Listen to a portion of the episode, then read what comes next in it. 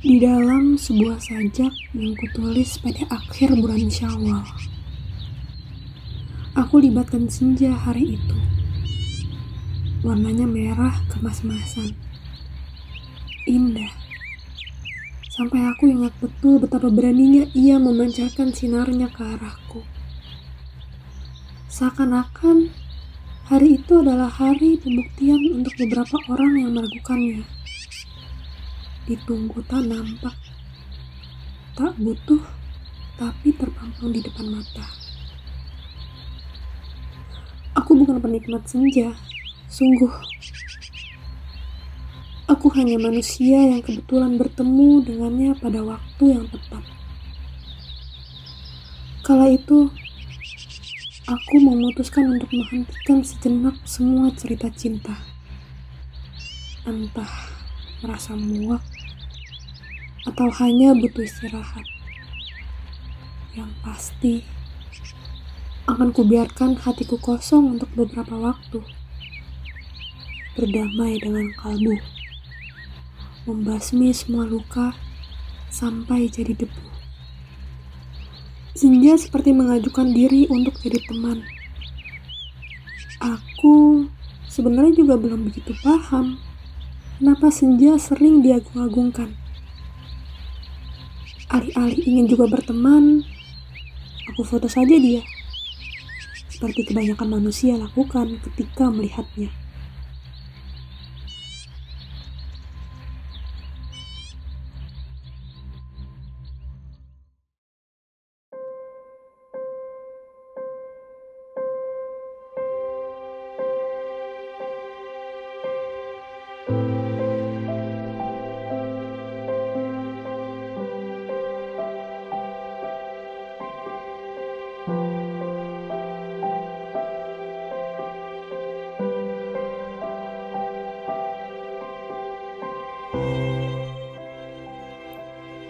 Saat itu, aku ingin berteman dengan siapa pun.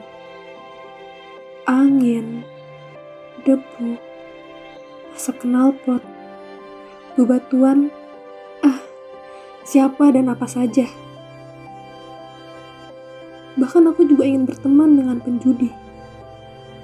Bukan ingin ikut bermain, melainkan aku ingin menghirup seribu satu kehidupan di bumi. Keputusanku untuk sejenak berhenti dari cerita cinta itu sudah bulat. Aku membebaskan dirimu dan juga diriku sendiri dalam bertingkah, dalam menyikapi, dan juga dalam mencari. Kita adalah jatuh cinta paling indah setelah Adam dan Hawa. Saking indahnya, kita tidak bisa saling mencela. Padahal tidak baik jika segala hal harus ditahan hanya untuk suatu hubungan. Egois. Lebih baik hubungan itu dijadikan media belajar. Belajar untuk menerima, belajar untuk menangis, dan bahagia. Aku paham kamu belum bisa.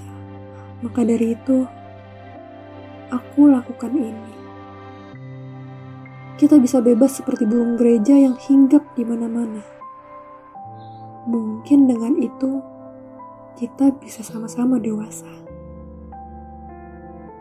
Untuk sampai di titik itu, aku membuat kita hanyalah sebuah cerita lama.